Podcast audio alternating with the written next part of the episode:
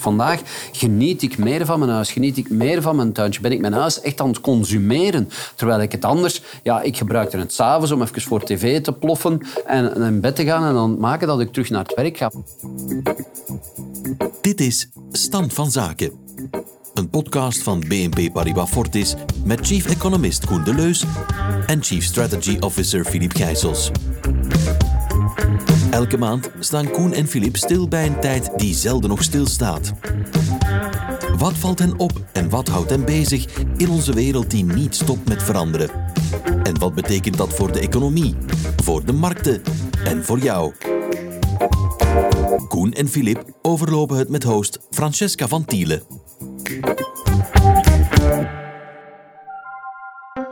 Dag Koen, dag Filip. Dag Francesca, dag Koen. In deze aflevering hebben we het over een onderwerp dat veel mensen bezighoudt. De prijzen van woningen. Blijven de Belgische huizenprijzen even hard stijgen als in de voorbije jaren? Welk effect hebben de rentestijgingen en de inflatie op de prijzen van woningen? En vooral, kunnen jonge mensen nog wel een huis kopen? Koen, ik ga met jou beginnen. Sinds 1985, al bijna 40 jaar dus, blijven de prijzen van Belgisch residentieel vastgoed onafgebroken stijgen. Op een afvlakking in 2009 omwille van de financiële crisis na. Kan zo'n stijging blijven duren of zijn er signalen dat er weer een correctie zit aan te komen? Ja, dat is inderdaad een heel lange periode. En we zien toch wel de laatste jaren dat er uh, toch een klein beetje sprake is van zo'n overwaardering. Nu, in de jaren 80 was er ook sprake van een stevige overwaardering. Hebben we eigenlijk de laatste crash gezien.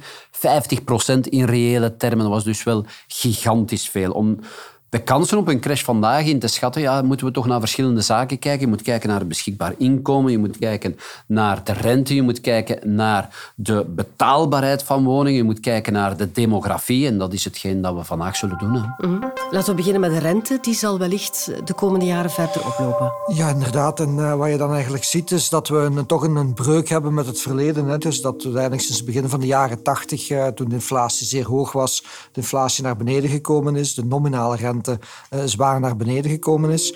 Uh, en dat je dan in een wereld zat ja, dat uiteindelijk dat zeer interessant wordt om, om huizen te kopen. En, en vooral uh, de reële rente is daar belangrijk. De reële rente is de nominale rente min de inflatie. Want dat is natuurlijk de inflatie nog eens opgelopen, waardoor die reële rente eigenlijk extreem negatief geworden is. En dat is heel interessant natuurlijk voor die huizenmarkt. Maar wat je de laatste maanden ziet, is dat die nominale rente wel begint op te lopen. Is vaak in het nieuws ook. Dan zie je uiteindelijk dat ja, mensen het toch te duur duurder en duurder wordt eigenlijk om een woning gaan aan te schaffen. Dat het meer eh, rente gaat kosten voor een stuk. En dan dat tweede stuk natuurlijk. Ja, we hopen dan met z'n allen dat die, die inflatie wat uh, onder controle komt. Maar als de nominale rente wat stijgt en die inflatie komt wat naar beneden, betekent dat alleen maar dat de hele rente omhoog gaat. Ja, en dat is misschien dan toch net een iets minder uh, gunstige omgeving voor die huizenmarkt. Ja. En in cijfers uitgedrukt, aan welke rente denk je dan? Wel ja, daar laat ik aan Koen over. 2, 2,5 of zoiets. Ja, ja, we zitten naar 2, 2,5. Uh, misschien dan, dat we naar nominale rente gaan. Maar als we dan naar reële rente gaan, ja, dan zouden we inderdaad wel een stijging van 4 à 5 procent kunnen hebben, denk ik. Hè. We zullen nog altijd negatief blijven, dus dat blijft toch nog altijd een stimulans. Maar natuurlijk 4, 5 procent stijging van die reële rente, zoals Flip zei, stijging nominale rente met daartegenover een terugvallen van die inflatie, dat is toch stevig nu. Als je dat gaat vergelijken met begin jaren 80, dus eigenlijk tussen 1976 en 1980, dan had je een stijging van 12 procentpunt. 12 procentpunt reële rente. Dus dat is toch nog een stuk meer. En vandaar dat we ook geen crash voorspellen. Er zijn nog andere redenen, maar we voorspellen geen crash. We denken dat de reële prijzen dit jaar zullen dalen met 4 procent. In nominale termen blijft er nog altijd een stijging met 4 procent, want min 4 procent plus 8% inflatie is nog altijd 4% nominale stijging. En volgend jaar zouden we dan een reële daling krijgen van 0, min 1%. Dan zouden we ergens op een nominale stijging komen van met inflatie is dat zo'n 3%. Dus een correctie, geen crash. Ga jij akkoord, Filip? Wel, meestal ben ik het met de slimme man naast mij eens. Maar, allee, Dank u, Filip.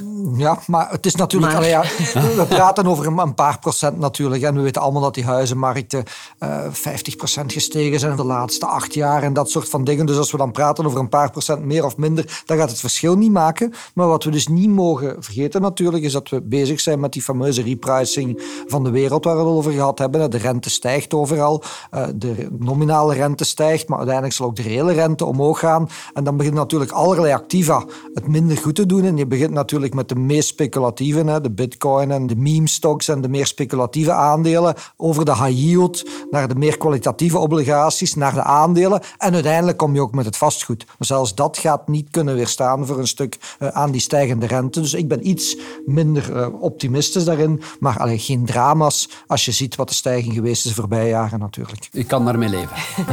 Dus Koen, jij denkt dat een eh, eventuele prijsdaling van de huizen als het ware dan teniet gedaan wordt door de oplopende rente. Wat maakt dat de kostprijs van een huis natuurlijk hetzelfde blijft? Hoe zit het dan met de betaalbaarheid van een eerste eigen woning? Wel, dat is heel belangrijk eh, met betrekking tot de vraag natuurlijk. Hè. En dan denk ik dat er twee elementen toch wel belangrijk zijn. Eén, de evolutie van het beschikbaar inkomen. En dan zie je ja, dat de afgelopen 35 jaar dat inkomen normaal gezien constant eh, de hoogte inging, behalve tijdens serieuze recessies. Maar dan zag je dat die rente extra onderuit ging en dat compenseerde dan weer dat talend beschikbaar inkomen. Dus zo zijn we toch altijd aan een serieuze correctie ontsnapt. Maar dat is vandaag niet meer langer het geval, Filip. Nee, dat vergroot dus de kans dat we naar een daling van de, de reële prijzen gaan. En ja, aan de betaalbaarheid van de woningen kan natuurlijk ook onder druk komen door de stijgende rente. Hm, Kan je dat even uitleggen, Koen? Wel, als we kijken naar die betaalbaarheidsindex, de Nationale Bank die publiceert zo'n betaalbaarheidsindex, dan staat die op 28 procent. Dat wil zeggen dat gemiddeld de Belgische bevolking 28 procent van zijn beschikbaar inkomen betaalt aan het afbetalen van die hypotheeklening. Nu, dat is de piek. Die piek die zagen we in 2008. Nu, als we kijken naar het derde kwartaal van 2021, het laatste cijfer dat we hebben, dan zitten we rond de 25 procent. Dus dat valt nog mee, zeg je. Dus betaalbaarheid zit nog goed. Maar als we gaan kijken naar de stijging van de hypothecaire rentes, dan zie je dat we daar met een stijging zitten met 2 en 2,5 procent. Dus als we gaan kijken naar een gemiddeld gezin, en we pakken daar een gemiddeld gezin dat verdient 4.200 euro, en die lenen 200.000, dan zie je bij een lening van 200.000 dat je met 2% extra rente 200 euro per maand meer moet betalen. Nu, dan moet je gewoon een simpele regel van drie doen. Gaan we die 200 euro daarin steken en dan zien we dat die betaalbaarheidindex extra stijgt naar meer dan 28 procent. Nu zitten we dus op de betaalbaarheidindex, dus ook aan een piek. Dus ja, dat is toch wel een klein beetje zorgwekkend. wil dus zeggen dat ja, de jongere mensen tussen 28 en 35 jaar, dat daar toch wel zeer moeilijk wordt om nog een huis te kopen. Koen, je gaf daarnet ook de veranderde demografie aan als factor om rekening mee te houden. Welke wijzigingen in de bevolkingssamenstelling hebben een effect op het aanbod en de prijzen van woningen? Ja, dat is inderdaad eh, op lange termijn een heel belangrijk element. En waar je toch een groot verschil zit tussen de Verenigde Staten en Europa. Waar je ziet in de Verenigde Staten dat het aantal 30 à 35-jarigen nog gaat toenemen. Wat natuurlijk heel goed is voor de vraag. Dan zie je dat wij in Europa, dat daar de 30, 35-jarigen, dat die gaan afnemen. Daartegenover zie je dat aantal 80-plussers die, als ik het zo mag uitdrukken, langzaam zullen wegdeemsteren en die hun woningen op de markt komen, daar zie je dat ook in Europa die sneller zullen toenemen dan in de Verenigde Staten. En ja, dat zal ook in de toekomst toch wel een klein beetje wegen op die prijsstijging in Europa, vrees ik. Het is inderdaad zo, hè, als je daar nog een ander cijfer op plakt, in 2030, dat is niet meer zo ver weg, is de gemiddelde Amerikaan 35 jaar en de gemiddelde Europeaan 50 jaar. Dus dat onderschrijft wel het verhaal Voilà. eh, van Koen. Dus als er meer jongeren dan ouderen zijn en er ook meer huizen van oudere mensen op de markt komen, dan stijgt het aanbod, terwijl de vraag daalt. Ja, dus dat is een negatief element. Gelukkig, gelukkig hebben we in Europa nog altijd een evolutie, een, een positieve evolutie van het aantal gezinnen. Eén is daar migratie. En die zal waarschijnlijk nog toenemen met de klimaattransitie. Ten tweede is het ook zo dat we altijd meer naar kleinere gezinnen gaan, naar eenoudere gezinnen. En dat zal er ook voor zorgen dat die vraag toch nog stevig ondersteund blijft. Nu, de OESO waarschuwde onlangs dat de Belgische huizenmarkt 20% zou overgewaardeerd zijn. Zit er dan toch wel een daling aan te komen? Wel, dat cijfer van de OESO dat is min of meer hetzelfde cijfer als van de Nationale Bank van België.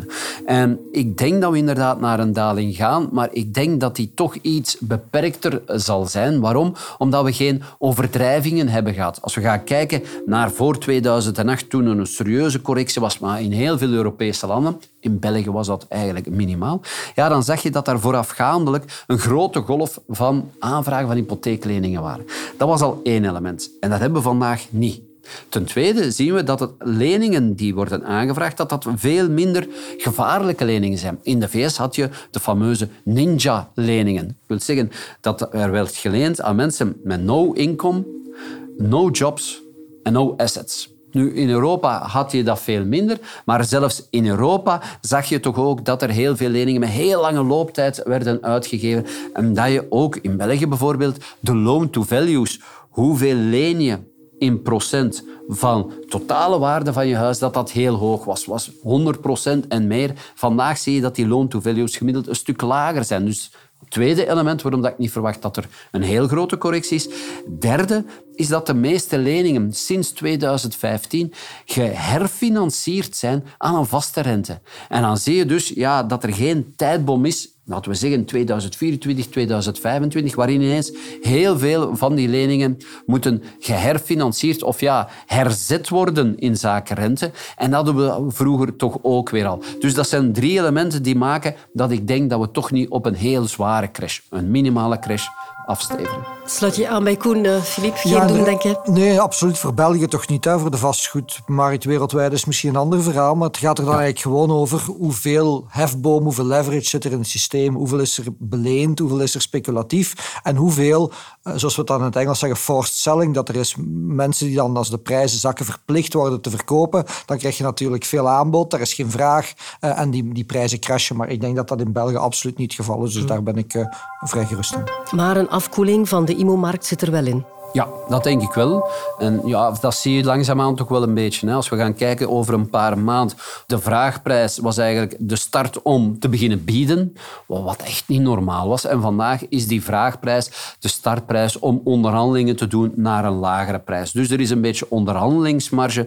Dus ja, dat begint toch al terug een klein beetje te normaliseren. Nu al bij al, ook al spreken we hier over een overwaardering en een lichte correctie, ik ben toch niet geneigd om nu te zeggen dat je heel lang moet wachten om een huis te kopen. Ik denk sowieso dat je het een beetje een internationaal perspectief moet bekijken. Ook, hè. De Belgische markt, ja, ik, ik woon in Leuven, daar zijn de prijzen sterk gestegen. In Antwerpen, in, in Knokken aan zee. Dan zou je zeggen dat is gigantisch. Maar als je dan met buitenlanders spreekt, ja, die lachen eigenlijk nog voor een stuk met ons. Als je dan kijkt in Nederland, Amsterdam, Rotterdam, maar ook steden Delft, Eindhoven, of ik wil ik het nog niet hebben over Australië, over het Verenigd Koninkrijk, ja, daar zijn die prijzen veel en veel en veel meer gestegen. Dus ja, iedere vastgoedmarkt, we praten over de vastgoedmarkt, maar dat zijn allemaal lokale markten en, en dat valt in België eigenlijk nog mee.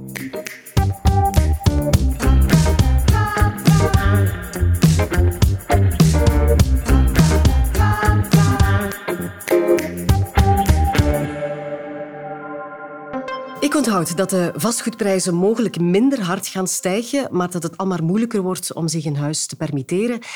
En dan nu een andere kwestie, want de regelgeving rond de energievereisten wordt strenger. Koop ik beter een nieuwbouw of ga ik toch voor innovatie? Dat is inderdaad een heel goede vraag. En daar denk ik, ja, met het tekort aan bouwmaterialen, dat de aankoop van recente huizen, dat dat misschien wel interessant is. En natuurlijk ook nieuwbouw. Maar het gevolg daarvan is dat die twee segmenten waarschijnlijk toch wel redelijk stabiel zullen zijn in prijs, of misschien zelfs gewoon in prijs zullen verder blijven stijgen.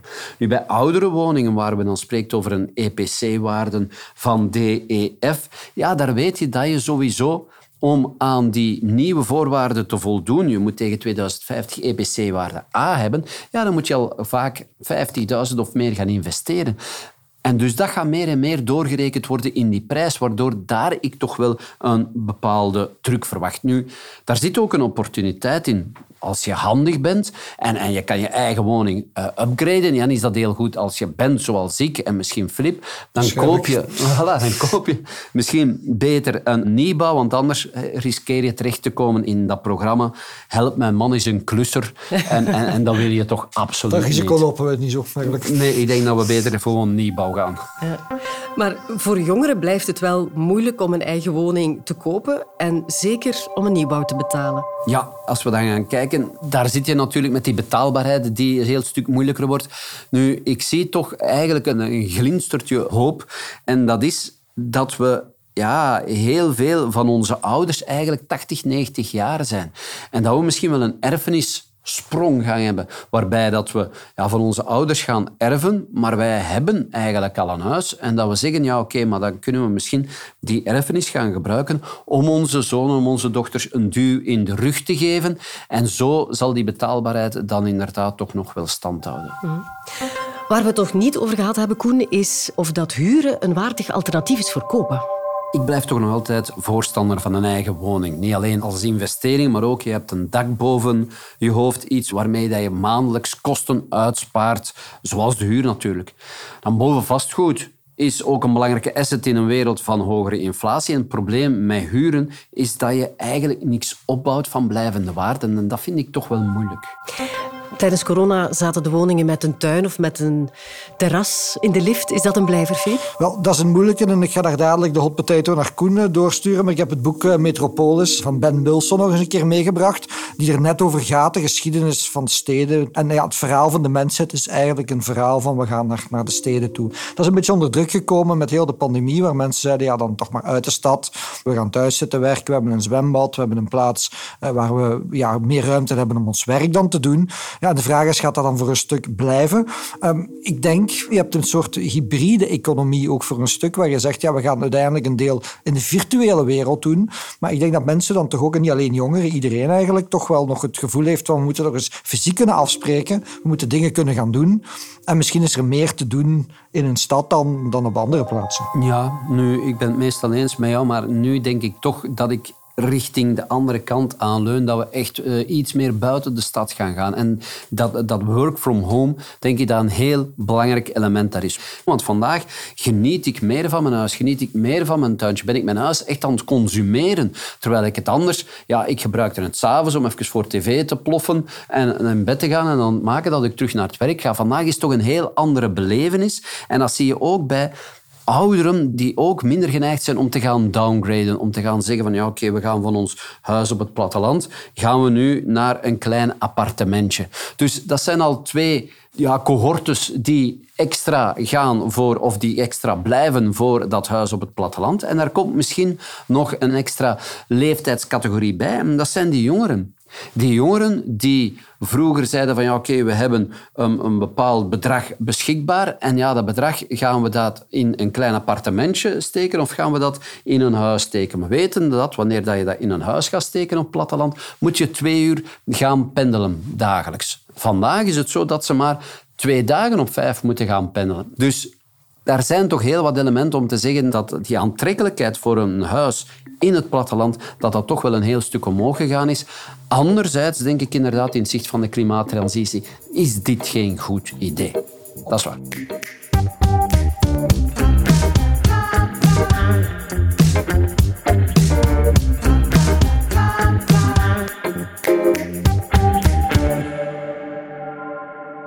We zijn gekomen aan het einde van deze podcast, dus u heeft nog iets van ons te goed, namelijk een boekentip van uh, Filip. En uh, welk boek heb je voor ons meegebracht? Ik heb uh, voor aan het strand een lijvig boek meegebracht, Owning the Earth van Andro Linklater. En dat gaat eigenlijk over het, ja, het bezit van grond en van vastgoed en dergelijke. En dat is eigenlijk iets wat in de geschiedenis redelijk recent is. En vroeger had de kerk of, of de koningen of de graven of de baronnen of de vorsten hadden het grootste stuk van het land. Dus eigenlijk privébezit van, is dus nog maar een paar honderd jaar oud.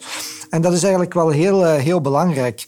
Want uiteindelijk, we zeggen altijd, Geld is maar geld. Geld is maar papier. Dat is maar een afspraak. Als je, dat, ons verhaal van real assets, waar we altijd zo op drukken, vastgoed is bij uitstek een real asset. Gronden zijn een real asset. Weilanden, bossen zijn een real asset. Je kan dat doorgeven naar de volgende generatie. Dus dat is super interessant. En om nog eens eventjes te onderstrepen hoe belangrijk die vastgoedmarkt is. Die wereldwijde vastgoedmarkt, dat zijn natuurlijk alle huizen. En ik reken er nu ook voor het gemak de appartementen en alles bij, is 400.000 miljard. Dus dat is zeer veel geld. Uh, alle aandelen, obligaties, dus alle andere assets zijn 100.000 miljard. Dus de vastgoedmarkt is vier keer groter. En bitcoin, om iets te noemen wat de jonge mensen kennen, is 1000 miljard. Dus de vastgoedmarkt is 400 keer groter. Dus je beseft ook als er een correctie komt van een paar procent of 5 procent of 10 procent, dat dat natuurlijk een hele impact kan hebben op de wereldeconomie. Dus dat is iets wat we sowieso van heel dichtbij moeten volgen. Oké, dankjewel, Filip. Eh, en daarmee zit deze podcast erop. De info over de boeken vind je in onze show notes. Deze podcast werd opgenomen op 22 juni. En deze zomer gaan wij er even tussenuit. De volgende stand van zaken staat online op 5 september. Koen Filip, het was weer bijzonder interessant. Geniet van de zomervakantie en tot in september. Jij ook tot in september. Dank u. Dit was Stand van Zaken.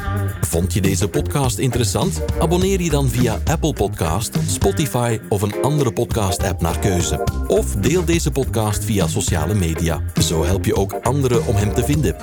Heb je intussen vragen, opmerkingen of suggesties? Die kun je mailen naar socialmedia.bnpparibafortis.com. Graag podcast Stand van Zaken in de onderwerpregel vermelden. De opinies in deze podcast zijn die van de presentator en de geïnterviewde en geven niet noodzakelijk het standpunt van BNP Paribas Fortis weer.